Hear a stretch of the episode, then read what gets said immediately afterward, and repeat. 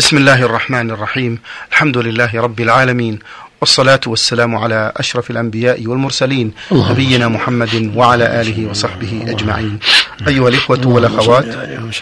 أيها الإخوة والأخوات السلام عليكم ورحمة الله وبركاته. وأهلا ومرحبا بحضراتكم إلى درس جديد من دروس المنتقى.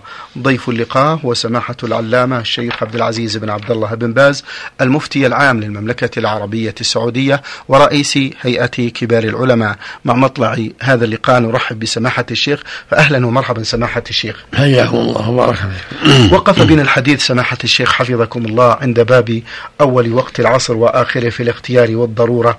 ووقف بنا الحديث الحقيقة عند مجموعة من الأسئلة.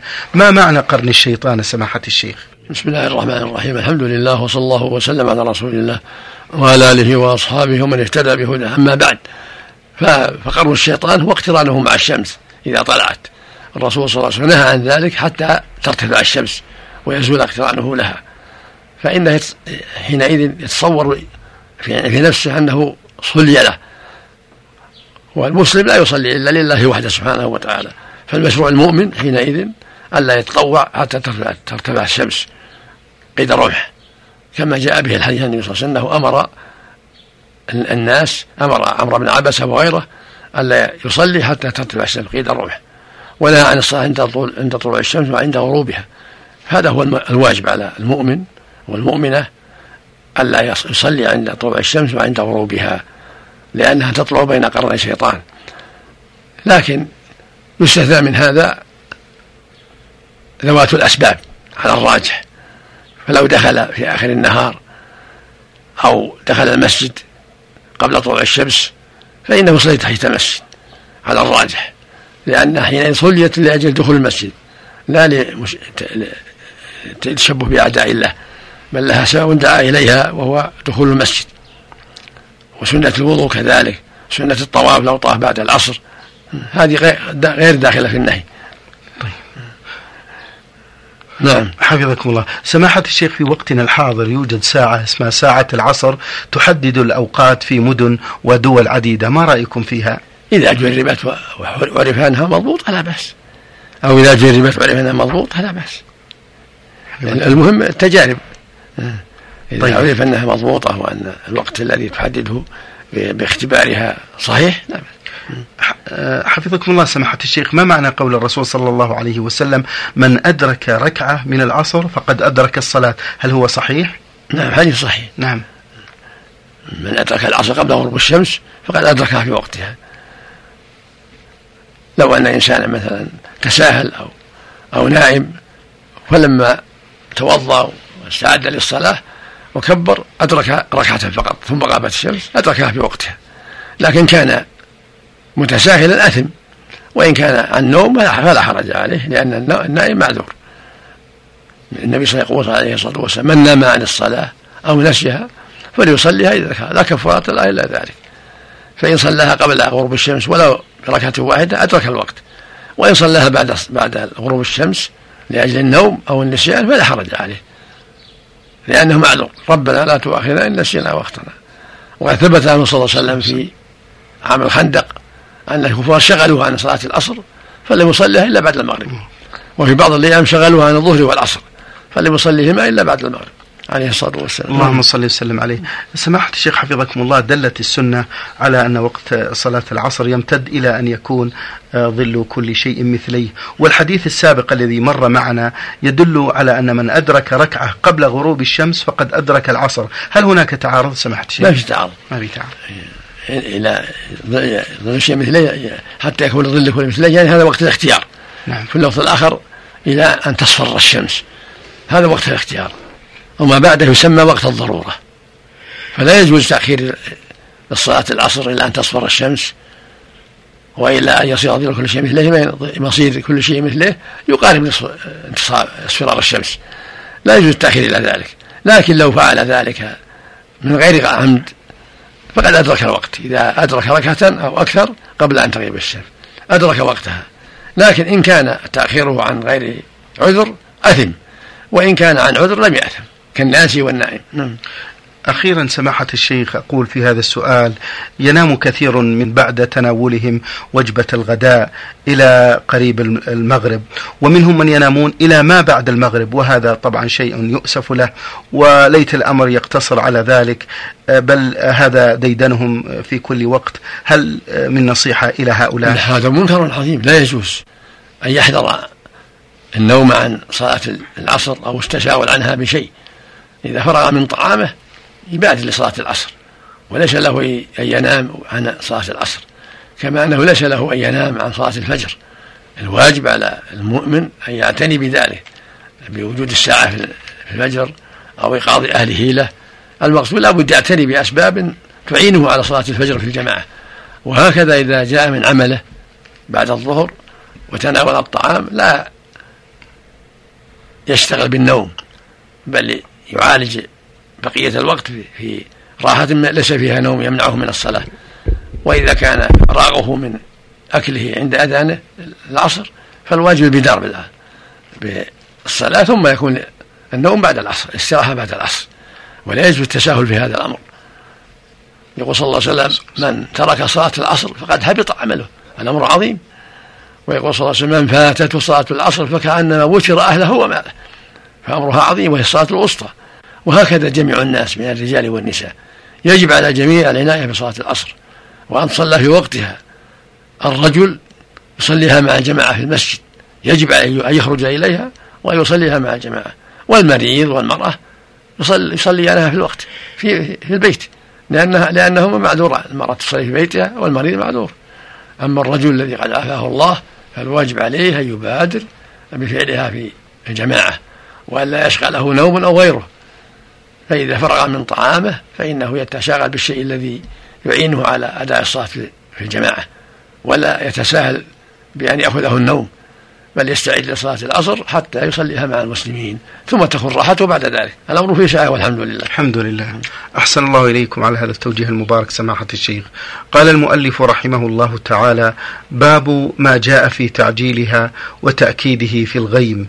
عن أنس قال كان رسول الله صلى الله عليه وسلم يصلي العصر والشمس مرتفعة حية فيذهب الذاهب إلى العوالي فيأتيهم والشمس مرتفعة رواه الجماعة إلا الترمذي وللبخاري وبعض العوالي من المدينة على أربعة أميال أو نحوه وكذلك لأحمد وأبي داود معنى ذلك. وعن أنس قال صلى بنا رسول الله صلى الله عليه وسلم العصر فأتاه رجل من بني سلمة فقال يا رسول الله إنا نريد أن ننحر جزور جزورا لنا وإنا نحب أن تحضرها. قال نعم.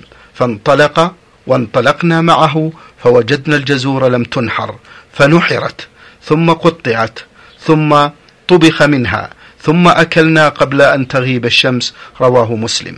وعن رافع بن خديج قال كنا نصلي العصر مع رسول الله صلى الله عليه وسلم ثم ننحر الجزور فتقسم عشر قسم ثم تطبخ فنأكل لحما نضيجا قبل مغيب الشمس. متفق عليه. وعن بريدة الأسلمي قال كنا مع رسول الله صلى الله عليه وسلم في غزوة فقال بكروا بالصلاة في اليوم الغيم وإن من فاتته صلاة العصر فقد حبط عمله رواه أحمد وابن ماجه. نعم هذه الأحاديث كلها تدل على شرعية العناية بالعصر والتبكير بها وأنه كان يصليها والشمس بيضاء نقية. فالسنة للأئمة ولمن يصلي في بيته لمرضه أو للنساء بالتبكير بصلاة العصر. كما كان النبي يفعل صلى الله عليه وسلم يصلي العصر والشمس بيضاء نقية. وذكر ذكر في الأحاديث أن أنهم أنها تذبح الجزور بعد الصلاة وتقسم ثم يطبخ منها ما يطبخ ثم يأكلون لحما نضيجا وهكذا من كان يصلي في بيته لمرضه وهكذا النساء في البيت السنة التبكير بالعصر والشمس بيضاء نقية بعد الأذان بيسير كربع ساعة وثلث ساعة ونحو ذلك تصلى صلاة العصر.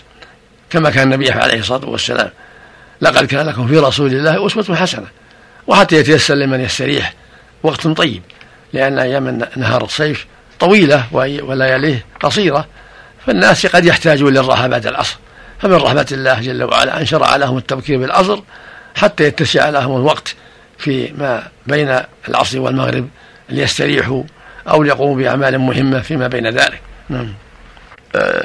الحديث يدل الحديث على فضل المبادرة لصلاة العصر سماحة الشيخ ولكن ما مقدار المبادرة في الساعات الحديثة؟ بعد الأذان بربع ساعة ثلث ساعة هذا هو المعروف. لا لا يحبس الناس في المسجد. بعد ربع ساعة ثلث ساعة هذا هو المناسب في التعجيل حتى يأتي المصلون يصلون تحية المسجد أو يصلوا قبل العصر أربع ركعات كما في الحديث. رحم الله امرأ صلى أربعا قبل العصر. يستحب يصلى قبلها أربعة. فالإمام يتحرى مجيء الناس بعد الأذان وأداءهم الركعات المشروعة فإذا مضى ربع ساعة أو ثلث ساعة هذا مناسب وما يقارب ذلك. أحسن الله إليكم. قال المؤلف رحمه الله تعالى باب بيان أنها الوسطى وما ورد في ذلك في غيرها. عن علي أن النبي صلى الله عليه وسلم قال يوم الأحزاب ملأ الله قبورهم وبيوتهم نارا كما شغلونا عن الصلاة الوسطى حتى غابت الشمس متفق عليه. ولمسلم وأحمد وأبي داود شغلونا عن الصلاة الوسطى صلاة العصر. وعن علي قال كنا نراها الفجر فقال رسول الله صلى الله عليه وسلم هي صلاة العصر يعني الصلاة الوسطى. رواه عبد الله بن أحمد في زياداته على مسند أبيه. وعن ابن مسعود قال حبس المشركون رسول الله صلى الله عليه وسلم عن صلاة العصر حتى احمرت الشمس أو اصفرت. فقال رسول الله صلى الله عليه وسلم شغلونا عن الصلاة الوسطى صلاة العصر. ملأ الله أجوافهم وقبورهم نارا. أو حشى الله أجوافهم وقبورهم نارا. رواه أحمد ومسلم وابن ماجه. وعن عبد الله بن مسعود قال قال رسول الله صلى الله عليه وسلم صلاة الوسطى صلاة العصر. رواه الترمذي وقال هذا حديث حسن صحيح.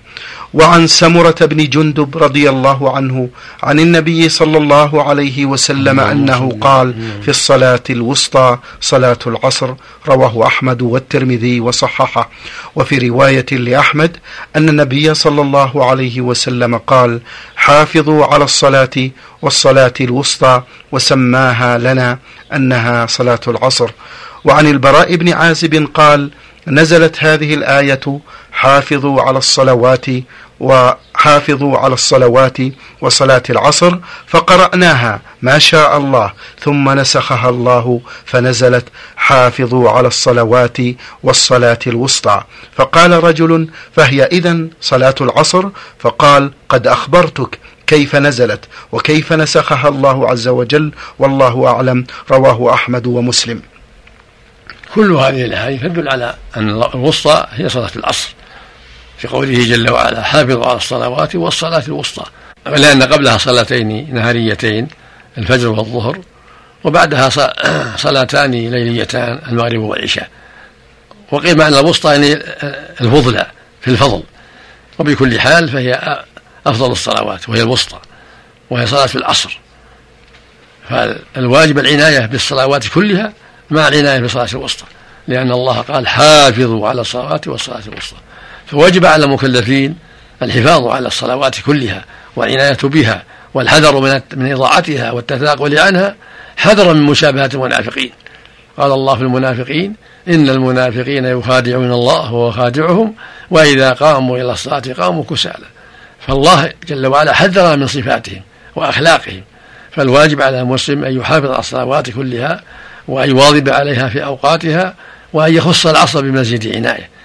لقوله صلى الله عليه وسلم من فاتته صلاة العصر فكأنما وتر أهله وماله. وفي اللفظ الآخر من ترك صلاة العصر حبط عمله. ولما شغله المشركون يوم الأحزاب في غزوة الأحزاب سنة خمس من الهجرة حين حاصر الكفار المدينة واشتد الأمر على المسلمين وطال الحصار بينه وبين أعداء الله شغلوه في بعض الأيام عن صلاة العصر.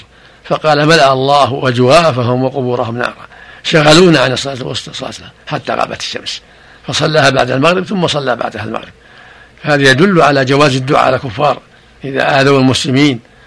كما دعا عليهم صلى الله عليه وسلم قال ملأ الله أجوافهم وقبورهم نارا. ودليل على فضل صلاة العصر وأن شأنها عظيم. ويدلنا أيضا على أن من شغل عنها بنوم أو غيره فإنه يقضيها بعد المغرب. وهكذا بقية الصلوات. من شغل عن الفجر صلاها بعد طلوع الشمس. من شغل عن الظهر صلاها في وقت العصر وهكذا. لكن الواجب أن يحافظ عليها وأن يتقي الله فيها وأن لا يشغل عنها بنوم ولا غيره. هذا هو الواجب على جميع المكلفين أن تصلى في الوقت. لكن من نام عنها أو نسيها فالله جل وعلا أرأف بعباده وأرحم. فإنه يصليها متى ذكرها أو متى استيقظ. والمريض له الجمع بين الصلاتين الظهر والعصر والمغرب والعشاء وهكذا المسافر هذا من رحمة الله جل وعلا وتيسيره سبحانه وتعالى. نعم. أحسن الله إليكم. نكمل بقية الحديث. فروى عبد الله بن عمر أن رسول الله صلى الله عليه وسلم قال الذي تفوته صلاة العصر فكأنما وتر أهله وماله. رواه الجماعة. وعن أبي يونس مولى عائشة أنه قال أمرتني عائشة أن أكتب لهم مصحفا فقالت إذا بلغت هذه الآية فآذني حافظوا على الصلاة والصلاة الوسطى. قال فلما فلما بلغتها آذنته. نعم آذنتها. نعم. فأملت علي حافظوا على الصلوات والصلاة الوسطى وصلاة العصر وقوموا لله قانتين. قالت عائشة سمعتها من رسول الله صلى الله عليه وسلم رواه الجماعة إلا البخاري وابن ماجه.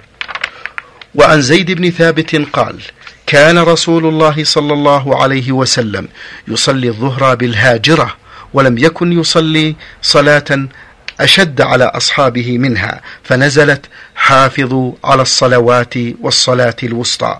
وقال إن قبلها صلاتين وبعدها صلاتين رواه أحمد وأبو داود.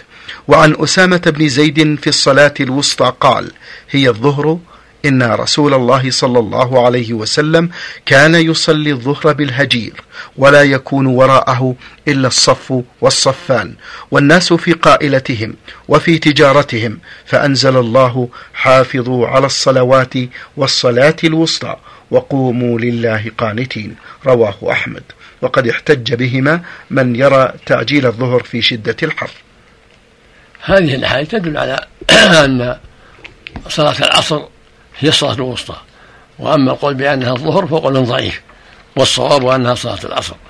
ولهذا أملت عائشة على كاتبها وصلاة العصر من باب الإيضاح أنها سمعت النبي ذا يقرأها كذلك. حافظوا على الصلوات والصلاة الوسطى وصلاة العصر من باب الإيضاح والبيان. ثم إن الصحابة لما دونوا المصحف على العرضة الأخيرة ذكروا الآية هكذا حافظوا على الصلوات والصلاة الوسطى وقوموا لله قانتين. فكان ذكر صلاة العصر من باب التفسير والإيضاح. والعرضة الأخيرة في رمضان في السنة الأخيرة. فدل ذلك على أن المقروء هو والصلاة الوسطى وأن وصلاة العصر من باب الإيضاح ومن باب التفسير. ثم نسخ الله لفظها وبقي حكمها وأن المراد بالصلاة الوسطى هي صلاة العصر. لأن قبلها صلاتين نهاريتين الظهر والفجر. وبعدها صلاتان ليليتان المغرب والعشاء. والواجب على المؤمن الحفاظ على الجميع على الصلوات كلها والحرص عليها وعدم التشاغل بما يشغله عنها. هذا هو الواجب على جميع المسلمين رجالا ونساء. نعم. آه، سماحة الشيخ ذكر الشارح رحمه الله تعالى سبعة عشر قولا في تحديد الصلاة الوسطى مع أن الحديث نص على أنها العصر الشيخ الأمر واضح القوال لغيره ليس بشيء. طيب. والصواب أنها صلاة العصر. نعم. إذا حبس العدو المسلمين عن الصلاة كيف يصلونها؟ سماحة الشيخ. صلوا على حسب حالهم حسب الطاقة. مثل ما صلاها النبي لما وقف المشركين. صلوا يجعلهم جماعتين ويصلي بطائفة ثم تذهب تحرس ثم يصلي بالطائفة الأخرى. أما إن كانوا في جهة القبلة صلى بهم جميعا وركع بهم جميعا ثم إذا سجد يسجد مع الصف الأول ويبقى الصف الأول يحدث الثاني يحدث واقفا. فإذا قام الصف الأول سجد الصف المؤخر. إذا دعت الحاجة إلى هذا. وإما وإن لم يستطيعوا أخروا الصلاة لا بأس. لا بأس أن يؤخروها كما فعل يوم الأحزاب. إذا هاجمهم العدو ولم يستطيعوا أن يصلوا بدأوا بالقتال. ولو أخروا الصلاة عن وقتها عذر. هذا هو الصواب. فلو هاجمهم العدو وشغلهم عن العصر أخروها إلى المغرب. ولا حرج في ذلك. أو شاءوا هاجمهم في الظهر أخروها إلى العصر. المقصود أنه إذا استطاعوا صلوها في الوقت على حسب الطاقة جماعة أو جماعتين. أما إذا لم يستطيعوا لشدة القتال وهجوم العدو وعدم تمكينه للمسلمين من الصلاة فإنهم يؤخرونها ويقابلوا العدو حتى لا يتغلب عليهم العدو. ولهذا لما اشتد القتال يوم الأحزاب أخرها النبي صلى الله عليه وسلم أخر العصر حتى صلاها بعد المغرب. نعم. بمعنى ذلك سماحة الشيخ يدل على جواز تأخير الصلاة عن وقتها في يوم الأحزاب؟ نعم. هذا هو الصواب. نعم. أحسن الله إليكم. الحكمة من النسخ في القرآن والسنة سماحة الشيخ؟ الحكمة رحمة الله لعباده وأن الله جل جلاله هو الرأي هو الرؤوف الرحيم هو الحكيم العليم. هو ينسخ ما يشاء. ما ننسخ من آية أو ننسخها نأتي بخير منها أو مثلها. هو الحكيم العليم. ينسخ ما يشاء ويبقي ما يشاء جل وعلا. له الحكمة البالغة سبحانه وتعالى. أحسن الله إليكم وبارك فيكم سماحة الشيخ. قال المؤلف رحمه الله تعالى باب وقت صلاة المغرب. عن سلمة بن الأكوع رضي الله عنه أن رسول الله صلى الله عليه وسلم كان يصلي المغرب إذا غربت الشمس وتوارت بالحجاب. رواه الجماعة إلا النسائي. وعن عقبة بن عامر أن النبي صلى الله عليه وسلم قال لا تزال أمتي بخير أو على الفطرة ما لم يؤخر المغرب حتى تشتد حتى تشتبك النجوم رواه أحمد وأبو داود. وعن مروان بن الحكم قال قال لي زيد بن ثابت ما لك تقرأ في المغرب بقصار المفصل؟ وقد سمعت رسول الله صلى الله عليه وسلم يقرأ فيها بطول الطوليين رواه البخاري وأحمد والنسائي. وزاد عن عروة طول الطوليين الأعراف. وللنسائي رأيت رسول الله صلى الله عليه وسلم يقرأ فيها بطول آه، الطوليين ألف لام ميم صاد. وقد سبق في بيان امتداد وقتها إلى غروب الشفق في أحاديث عدة. نعم سماحة الشيخ. وهذا كله يدل على أن السنة التبكير بالمغرب هذا هو السنة. إذا غابت الشمس فالسنة التبكير بها. كان النبي صلى الله عليه وسلم إذا غابت الشمس صلى مبكرا وكان الصحابة يصلوا ركعتين بعد الأذان ثم يقيم النبي الصلاة عليه الصلاة والسلام بعد صلاة الركعتين فالمعنى أنه يوخرها قليلا بعد الأذان ثم يقيم الصلاة؟ وربما قرأ فيها بسور طويلة. قرأ مرة بألف لام ميم صاد وهي طول الطوليين لأن الطوليين الأعراف والأنعام وهي الطولى أطول من الأنعام. وهذا لعل قرأ بها مرة من المرات كما قال زيد. وكان الغالب عليه الصلاة والسلام يقرأ فيها بقصار مفصل.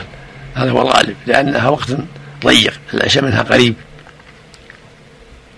فالغالب كان يقرأ في قصار مفصل وربما قرأ فيها بطوال مفصل وقرأ مرة فيها بالطور كتاب مسطور كما رواه جبل المطعم ومرة قرأ فيها كان يقرأها بالمرسلات تقول أم هشام كانت تسمع أن النبي صلى الله عليه وسلم يقرأ في المغرب في آخر آياته بالمرسلات فدل على أنه لا بأس أن يقرأ في المغرب بالمرسلات والطور وعمة وما أشبه ذلك ولكن الأغلب يكون بالقصار كالقارعة والعاديات والشمس وضحاها والليل إذا أغشى هذا هو الأكثر. نعم. آه، سماحة الشيخ قراءة سورة الأعراف كاملة قد تشق على الجماعة في, الركعتين. في الركعتين. في الركعتين كان قسمها في ركعتين عليه الصلاة والسلام. ولكن هذا نادر. الظاهر لم يحفظ عنه إلا مرة واحدة عليه الصلاة والسلام. لبيان الجواز. آه، المراد بقصار المفصل سماحة الشيخ؟ نعم. ما كان في ما كان من الصورة القصيرة في الزعمة نعم. بعض الأئمة الشيخ في صلاة المغرب بمجرد أن ينتهي المؤذن من الأذان يأمره بالإقامة. لا لا لا, لا يعجل. حتى يصلي الناس ركعتين ويتلحق الناس عشر دقائق أو حولها حتى يتلحق الناس. ولهذا كان الصحابة يصلوا بعد بعد الأذان ركعتين. والرسول يقول بين كل أذان صلاة بين كل أذان صلاة بين كل أذان لمن شاء. ويقول صلى الله عليه وسلم صلوا قبل المغرب صلوا قبل المغرب. ثم يقول في الثالث لمن شاء. فدل على أن تؤخر بعض الشيء حتى يصلي الناس ما تيسر. وإذا صلى ركعتين حسن. كفى الحمد لله. بعد الأذان. شكر الله لكم سماحة الشيخ وبارك الله فيكم وفي علمكم ونفع بكم الإسلام والمسلمين. أيها الإخوة والأخوات كان معنا في برنامج شرح كتاب المنتقى سماحة الشيخ عبد العزيز بن عبد الله بن باز المفتي العام للمملكة العربية السعودية ورئيس هيئة كبار العلماء.